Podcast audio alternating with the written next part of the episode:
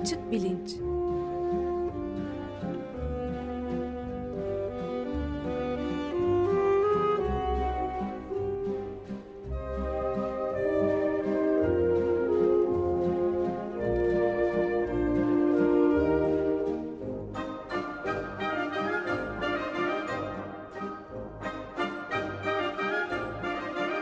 Güven Güzeldere ile bilim ve felsefe sohbetleri. Günaydın Güven Bey, merhabalar. Günaydın Ömer Bey. Merhabalar. Günaydın Özdeş. Evet, bugün e, Galileo Galilei'nin yargılanmasından biraz e, bahsedeceğiz. Değil mi?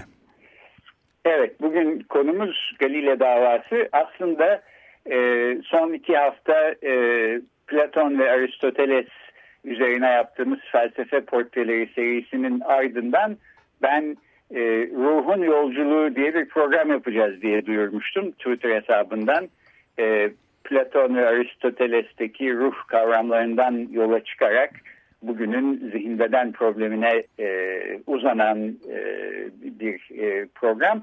Bu programı erteledik. E, ileride yapacağız yine mutlaka elbette. Fakat bugün e, Galile davasını ele almak daha doğru olacak diye düşündüm. İki sebebi var. Bir tanesi e, üç gün önce 22 Şubat'ta e, Galile'nin e, çok e, tartışma yaratan iki büyük dünya sistemi hakkında Diyalog isimli kitabının yayınlanışının 388 yıl dönümüydü. Kitap 1632'de yayınlanmıştı. Zaten e, çok gürültü koparan e, bir kitap. Hemen bir sene sonrasında da e, 1633'te Galile davasını görüyoruz. E, bu dava tarihte çok ilginç bir sayfaya işaret ediyor. Üstelik halen bugün bile e, alakalı bulacağımız, aşina bulacağımız yanları var. Çünkü bir anlamda Galile davası e, bilimin e, ya da daha genel bir şekilde söyleyecek olursak gerçeğin, e, bilimsel gerçeğin siyasi erkle ve onun güdümündeki yargıyla e, sınavı. E, o zaman e, yani 1633'te neler olmuş? Bugün biz 2020'de baktığımızda 388 sene sonra geriye baktığımızda nasıl görüyoruz? Biraz bunlardan konuşmak istiyorum. E, programı bu hafta yapmanın diğer nedeni de e, geçen hafta görülen Gezi davası oldu aslında. Biraz ona da bağlayacağım. Çünkü e, çok benzer bir şekilde e, Gezi davasında da ardından Osman Kavala'nın yeniden tutuklanmasında filan e, gerçeğin e, bilimsel gerçeğin değil bu sefer fakat hukuksal gerçeğin, hukuksal veriler üzerinden ortaya konulan gerçeğin siyasi erk ve onun güdemindeki yargıyla sınavını görmek mümkün. E, bugün den e, yarın bu tür şeylerin nasıl gözükeceğini anlamak için e, bugünden bazı şeylerin dün olmuş e, ya da dün derken e, mecazi bir anlamda kullanıyorum. Geçmişte olmuş bir takım olaylara bakmak her zaman ışık tutucu olabiliyor. E, dolayısıyla bu, bugün konumuz Galile'nin e, davası ya da Galile davası. Şimdi e, bu program e, için hazırlanırken e, bu Galile davası üzerinde çok geniş bir külliyat olduğunu fark ettim. Bir parçasına aşinaydım, hepsine değil. Epey bir tarama yaptım. E, bir sürü ilginç bilgi çıktı. E, bir takım yanlış anlaşılan ya da yanlış düşünülen durumlar da var Galile hakkında. Bunlardan da bahsetmek istiyorum ve bu e, alanda hem bilimsel iddialar hem etik iddialar var. E, ikisinden de söz edeceğiz. E, şuradan belki başlayayım. E, benim Galile davasını e, hakkında bir şeyler öğrenmem e, galiba lise yıllarındaydım Ankara'dayken. E, Ankara Sanat Tiyatrosu'nda e, Galile Galile'nin hayatı diye bir oyun e, sahneye konmuştu. Ve Galile'yi de galiba Rutkay Aziz oynuyordu diye hatırlıyorum. Öyle aklımda kalmış. Bu Brecht'in 1938'de e, yazdığı ünlü e, oyunu Galile'nin hayatını anlatıyor ve asıl ana noktası da bu Galile davası. E, tahmin ederim siz de görmüşsünüzdür. Evet. E, güzel bir e, oyun beni o zamanlar çok etkilemişti. E, fakat burada e, bu oyunda çizilen e, Galile portresine baktığımız zaman e, bir kahraman portresi de görüyoruz. Aslında burada tarihi açıdan e, bir yanlışlık da söz konusu. E, şunu sorabiliriz, Galile bir kahraman mıydı diye sorarsak, e, buna bence iki ayrı cevap vermek gerekiyor. Galile bir bilim kahramanıydı e, ama etik anlamda e, bir kahraman değildi. Fakat olması da gerekmiyordu. Zaten asıl e, söylemeye çalışacağım şey bu programın sonunda bu. Bilim insanlarının e, gerçeği savunurken kahramanlık yapıyor olmaları ya da yapmak zorunda kalmaları zaten e, çok anormal bir şey, beklenmesi gereken bir şey değil. Bir şeylerin düzgün gitmediğinin göstergesi ancak olsa olsa. E, Galileo Galilei e, Türkçedeki e, söyleyiş tarzıyla ben kısaca Galile diyorum. E, bilimsel devrimin e, öncülüğünü yapmış. E, orta çağlar boyunca işte yaklaşık bin yılı aşkın bir zaman var olan bir takım varsayımları yıkmış. E, bambaşka bir e, metodoloji ve e, doğaya e, doğayı çalışma biçimi e, ortaya e, koymuş olan çok çok çok önemli. Yani önemini e, işte ne kadar vurgulasak az olacak e, bir bilim insanı. E, belki en önce buradan başlamak lazım. E, en büyük katkılarından bir tanesi de e, dünya merkezi ya da geosentrik olarak e, düşünülen ve işte kendi zamanına kadar yaklaşık 1500 yıldır kabul edilen görüşü yıkıp yerine heliosentrik, heliosentrik ya da güneş merkezli e, bir modeli oturtması. Bu yalnızca bilim dünyasında bir e, değişikliğe işaret etmiyor. Aynı zamanda insanın kendi yeriyle ilgili e, kendi öz kimliğine dair bir kavramın da alt üst olması anlamına geliyor. Yani e, Tanrı insanı özel olarak e, evrenin e, yöneticisi e, olarak yarattı. E, insanın üstünde yaşadığı e, gezegende evrenin tam ortasında ve sabit bir şekilde duruyor. Bütün başka gezegenler güneş dahil bunun etrafında dönüyor e, diye dünya merkezli bir görüşe sahipsiniz. Bunun bir şekilde işte Hristiyanlık gibi tek tanrılı dinlerin söylediği bir takım şeylerle uyumlu olduğunu filan iddia edebilirsiniz. Katolik kilisesi nitekim bunu iddia ederek ve e, bunun tersini söyleyenleri Engizisyon mahkemelerinde filan yargılayarak e, bin sene kadar bu işi sürdürüyor. Burada da tabii çok ironik bir durum var. Çünkü aslında evet mesela İncil'de e, bu e, geosentrik dünya merkezli modelin doğru olduğunu destekleyeceği düşünülebilecek bir takım pasajlar var. Böyle yorumlanıyor. Fakat bunları başka türlü yorumlamak da mümkün. Çünkü e, bu tür kutsal kitaplar bildiğimiz gibi çoğu zaman mecaz üzerinden e, metaforlarla herkesin anlayabileceği e, örneklerle e, bir şeyler anlatmaya çalışıyorlar. E, bilim kitapları değiller, bilimsel bir çözümlemede bulunmuyorlar. E, dolayısıyla bugün halen devam etmekte olan örneğin evrim kuramı kutsal kitaplarda yazanlarla uyumlu mu uyumlu değil mi sorusu da benzer şekilde doğru bir soru değil. Yalnız evrim kuramı kutsal kitaplardaki bazı pasajların yorumlarıyla uyum, uyumlu mu uyumlu mu değil mi diye belki sorabiliriz. Bazı pasajların yorumlarıyla uyumlu değil bazıları bazılarıyla ise uyumlu. Ee, benzer bir şekilde e, bir zamanlar insanların meydanlarda, kazıklarda falan yakıldığı e, dünya merkezli modelin e, artık bugün e, tamamıyla terk edildiğini ve mesela Katolik Kilisesi'nin filan da hiçbir zaman hiçbir ses artık çıkartmadığını dünya merkezli değil güneş merkezli sistemin e, sistemi tamamıyla kabul ettiğini görüyoruz. E peki o zaman bin yıl boyunca niye bu kadar uğraştırdınız insanları, bu kadar cana kıydınız, e, gerçeği yargılamaya çalıştınız e, diye sorabiliriz. E, bu da belki ancak ironik bir soru olur. E, sanki öyle şeyler hiç olmamış gibi bugün hayat devam ediyor. Buradan da belki en sonda söyleyeceğim şeyi şimdiden söylemenin zamanı geldi.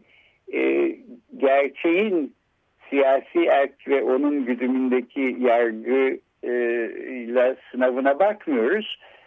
Tam tersine siyasi erkin ve onun güdümündeki yargının gerçekle sınavına bakıyoruz demek mümkün olabilir. Çünkü e, aradan bir zaman geçtikten ve taşlar yerine oturduktan sonra tarih içinde e, oluşan yargı aslında sınavdan geçenin e, gerçeğin kendisi olmadığını, gerçeğin bir sınavdan geçiren olduğunu bize söylüyor, gösteriyor. E, şimdi e, bu dünya merkezli geosentrik e, görüşü e, kuran astronom e, ikinci yüzyılda yaşamış e, Roma İmparatorluğu'nda yaşamış, İskenderiye'de e, çalışmalarını sürdürmüş Yunanlı bir e, kişi Claudius Ptolemy, Tolemik sistem diye biliniyor. Bu sistem çok fazla veri toplama imkanının olmadığı zamanlarda, teleskobun henüz keşfedilmediği zamanlarda, örneğin genel bir başka izlenimle bir araya getirildiğinde doğru kabul ediliyor. Bu izlenim nedir? Ee, şimdi biz günlük hayatımızda e, uzay boşluğunda kendi etrafında ve başka bir e, bir güneşin etrafında sürekli dönmekte olan bir kara parçasının üstünde yaşıyormuşuz gibi bir his içinde hiçbirimiz değiliz. E, tam tersi düz bir coğrafyada ve e, sabit bir e, işte toprağın üstüne basarak sabit bir gezegende yaşıyormuşuz izlenimine sahibiz. Dolayısıyla aslında bu geosantrik yani dünya merkezli görüş çok daha e, genel e, kanılara, genel izlenimlere uyan e, bir görüş. E, bunu bir de işte e, Tanrı özel olarak insanı ve insanın yaşaması için evrenin tam merkezine sabit olarak e, koyduğu dünyayı yarattı filan gibi bir takım metafizik görüşlerle bir araya getirdiğimizde niye bu kadar e, uzun yıllar e, kabul gören bir görüş halini, haline geldiğini görmek belki mümkün. Fakat e, bir takım astronomik gözlemler mesela bu modelin içindeki e, bazı can sıkıcı e, taraflara da işaret ediyor ve öteden beri astronomiyle ilgilenen bilim insanları e, bunun farkında. E, burada e, bu dünya merkezli görüşü e, yıkmak konusunda biz e, en büyük payı belki Galile'ye veriyoruz ama aslında tabii Galile tek başına çalışan bir e, bilimci değil.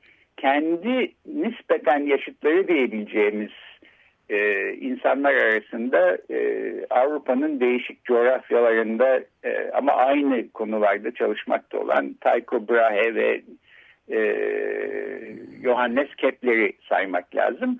Fakat onlardan da önemlisi e, Galile'den ve bu saydığım insanlardan, Brahe'den ve Kepler'den yaklaşık 100 sene kadar önce yaşamış olan Polonyalı bir e, e gök bilimci Kopernik. Kopernik. Kopernikus. E, aslında Kopernik'in hayatı da çok ilginç. E, şunu da söylemekte belki fayda var. Bu insanların başları e, Katolik kilisesiyle belaya giriyor ama aslında inançsız insanlar değil. Kopernik'te, Galile'de e, ikisi de e, inançlı insanlar, e, Katolikler. Kopernik mesela bir kilisede memur olarak çalışıyor, parasını öyle kazanıyor bir yandan. E, fakat e, bir astronom olarak e, bir takım gözlemlerde bulunuyor Kopernik. Mesela e, bu Tolemik sistemde e, gezegenler e, dünyanın etrafında yani diğer gezegenler ve güneş dünyanın etrafında e, mükemmel çemberler çizerek e, böyle yörüngelerde e, hareket ediyorlar. E, fakat Kopernik mesela değişik gezegenlerin değişik zamanlarda değişik parlaklıklarda e, görüldüğünü fark ediyor. Bunun bir nedeni olması gerek. Bu e, Kopernik'i rahatsız eden şeylerden bir tanesi ve Tolemik model bunu açıklayamıyor. E, aslında e, dünyanın e, bizim e, gökyüzü sistemimizin merkezinde sabit olarak olmadığı, orada güneşin olduğu ve dünyanın güneşin etrafında döndüğü fikrini e, yalnızca bulan değil. Çünkü e, bu bundan e, şüphelenen ve bunun doğru olabileceğini söyleyen Kopernik'ten önce yaşamış gökbilimciler de var. Kopernik'in kendi hocalarından bir tanesi e, bunların içinde olmak üzere. E, fakat bunu matematiksel olarak yaptığı gözlemlerle de e, destekleyerek kanıtlayan e, ilk bilimci e, Kopernik. Bu yüzden aslında belki e, payın büyüğünü Kopernik'e vermek lazım.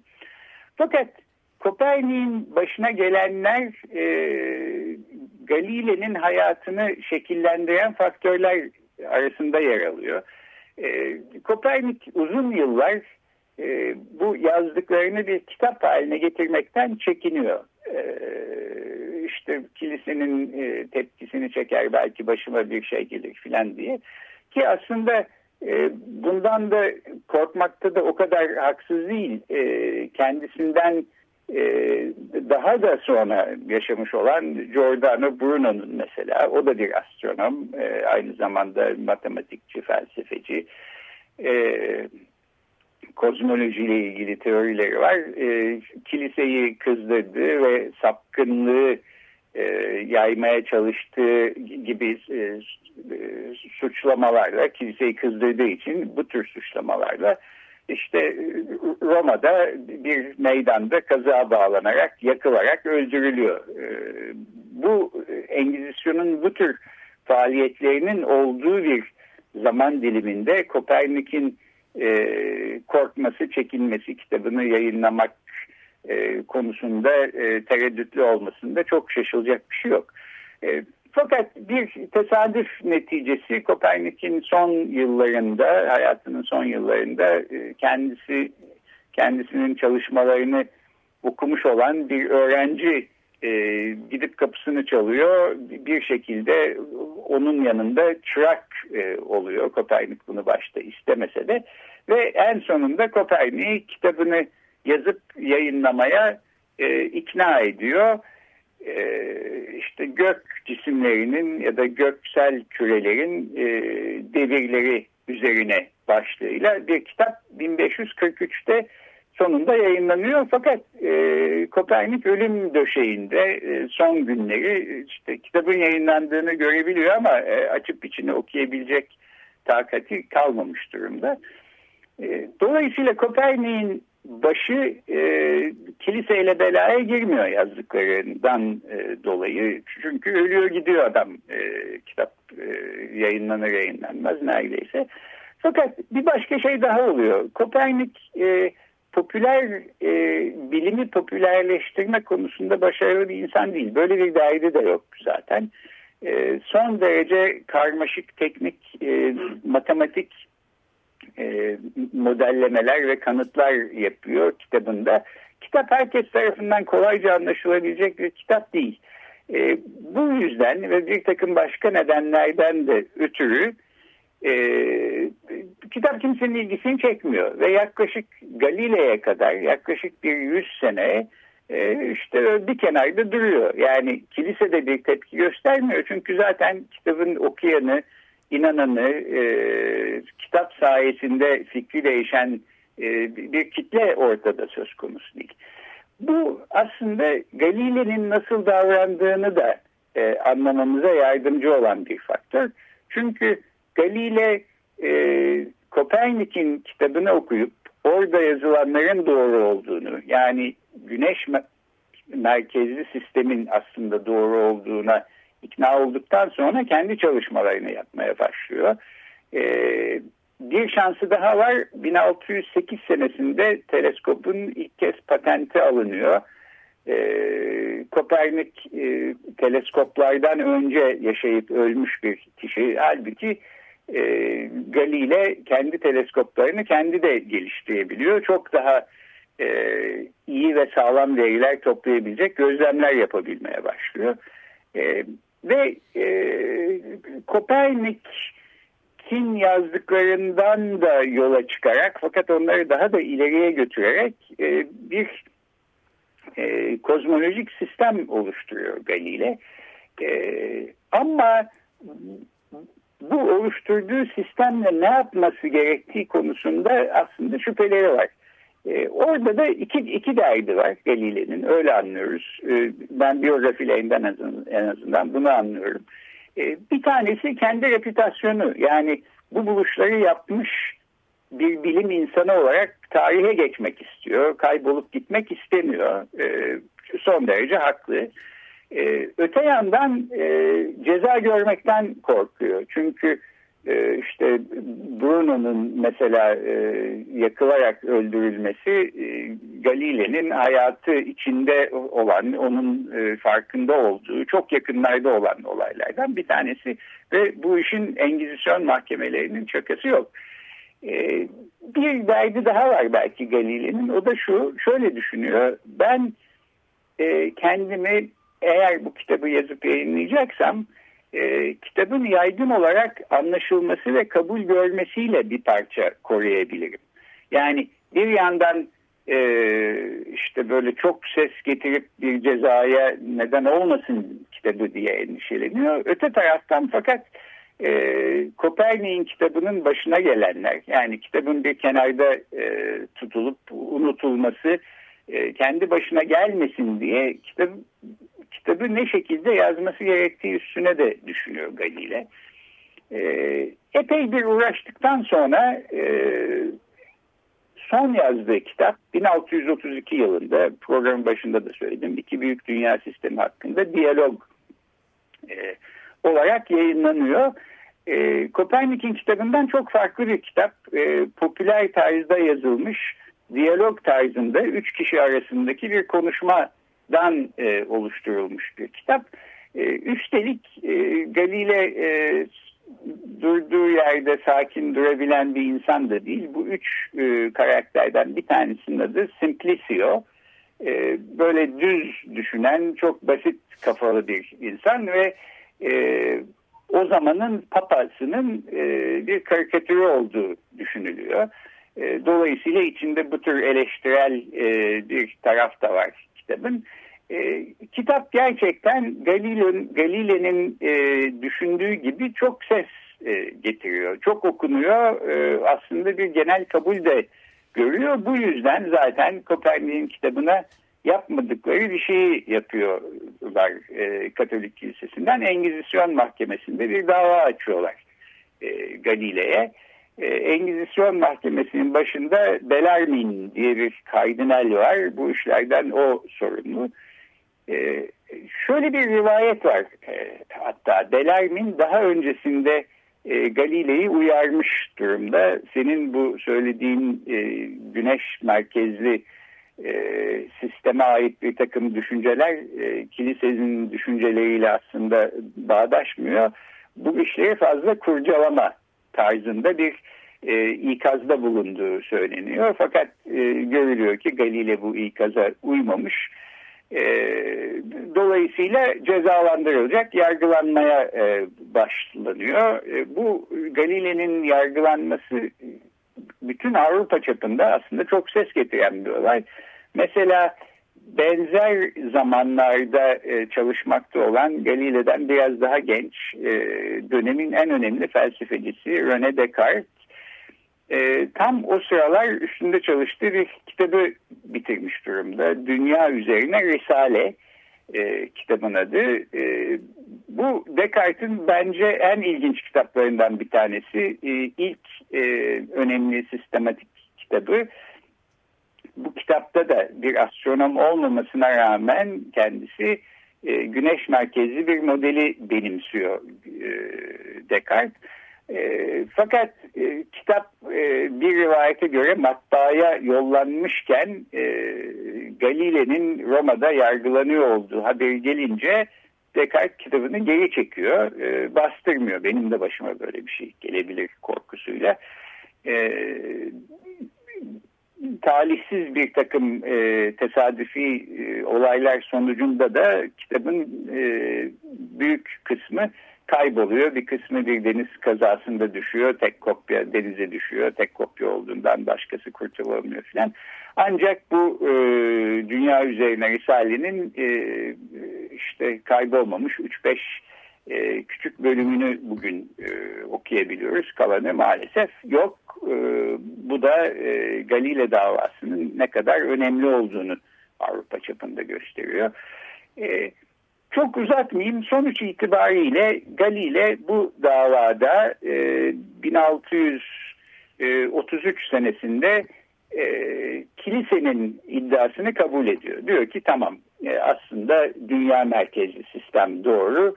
E, ben de bir şeyleri yanlış yazdım ya da yanlış anlaşıldı ya da sehven oldu ya da haddini aşan işte her neyse yani bugün de sık sık duyduğumuz e, mazeretlere benzer bir şekilde e, geri alıyor söylediklerini. Aslında dünya evrenin merkezinde güneş onun etrafında dönüyor diyor. E, yine bir rivayete göre işte ama mahkemeden ayrılırken e, ama dünya yine de dönüyor e, demeyi de ihmal etmiyor. İşte Brecht'in oyununda da bu vardı. Ama bu bir başka rivayete göre e, Galile Kardinal Bellarmine'i e, teleskobunun başına götürüp diyor ki bakın bu teleskop sayesinde ben ne görüyorsam görür oldum. Siz de bakın baktığınız zaman zaten göreceksiniz söylediğim şeyin doğru olduğunu ve bu davada bu şekilde düşecek. E, fakat Belaymin bunu reddediyor. Çünkü Belaymin'in derdi gerçeğin ortaya çıkması değil. E, zaten e, neyin doğru neyin yanlış olduğuna karar vermiş durumda kutsal kitaplar temelinde.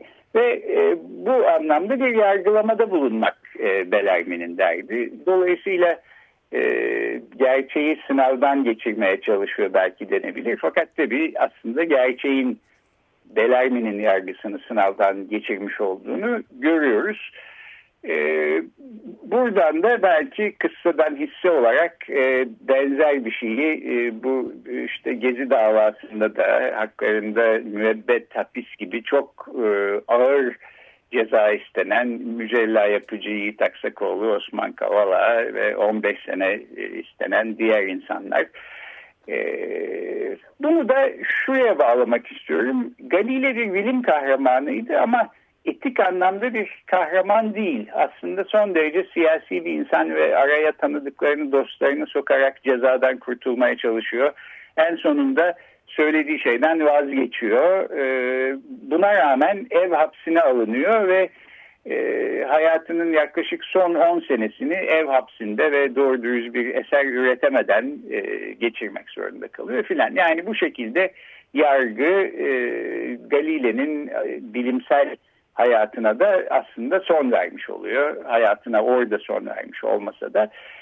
Peki ne yapmalıydı Galile? Yani işte bir bilim kahramanı olmasının yanı sıra bir etik kahraman mı olmalıydı? İşte evet dünya dönüyor ve e, güneş merkezli sistem doğrudur deyip bunun karşılığında belki bu bir, bir kazıkta yakılarak öldürülmeyi mi göze almalıydı? E, bence böyle bir şey beklemek gerçekçi değil. E, niye e, böyle bir etik kahraman olmak zorunda kalsın? Etik kahraman olmak ihtimaliyle ya da koşuluyla karşı karşıya bırakılmış olması bence burada acayip olan. Yani ortada bir ayıp varsa bu sözünden dönmüş olan ayıbın sahibi sözünden dönmüş olan Galile değil aslında e, bu ayıbı ona e, belki neyse sözünden dönmek zorunda onu e, bırakan iktidardır diye düşünüyorum. e, programı da şu sözlerle bitireyim. Buna rağmen e, bu tür zorluklara rağmen biz mesela Gezi davasında baktığımız zaman e, tek bir kez bile sözünü geri alan ya da yumuşatmaya çalışan öyle değil de aslında böyle demiştim e, şunu demek istememiştim diyen tek bir kişiye bile rastlamadık. Yani bu insanlar bir anlamda etik kahraman olarak da belirmiş vaziyetteler. Ben bunu da çok e, önemli buluyorum. E, yani biz de gezideydik diye bir metin mesela dolaştı. 1376 kişi imzaladı. Ben bu metni işte en az 100 bin kişi imzalar diye düşünüyordum. Öyle umuyordum. Öyle olması gerekirdi. Çünkü biz de gezideydik demek isteyecek e, yüz binlerce kişi elbette Türkiye'de vardı. Bunu meydanlarda kendi gözlerimizle gördük. Ama e, işte haberi olmadığından dolayı ya da çekindiklerinden dolayı bunu imzalamamış olan insanlar olabilir. Orada da bence ayıbın asıl sahibi imzalamamış olanlar değil. İnsanları böyle bir şeyden çekinmek zorunda bırakacak bir baskı ve korku ortamını e, yerleştirmiş olan siyasi erktir diye düşünüyorum. Böylece e, Galile davasını bugüne e, bağlamış olayım. Evet. Evet süreyi de bitirmiş olduk zaten. Peki çok teşekkür ederiz Güven Bey. Görüşmek üzere. Ee, gelecek hafta ve onu izleyen hafta e, Dünya Kadınlar Günü ile ilgili bir aksilik olması iki özel programlar karşınızda olacağız. Tamam görüşmek üzere o zaman hoşçakalın. Peki hoşçakalın.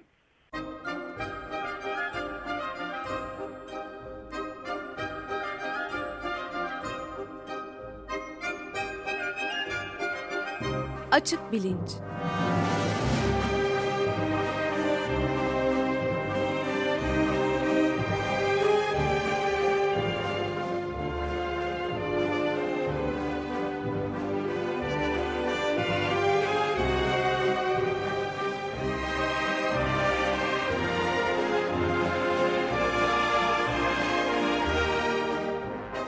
Güven Güzeldere ile bilim ve felsefe sohbetleri.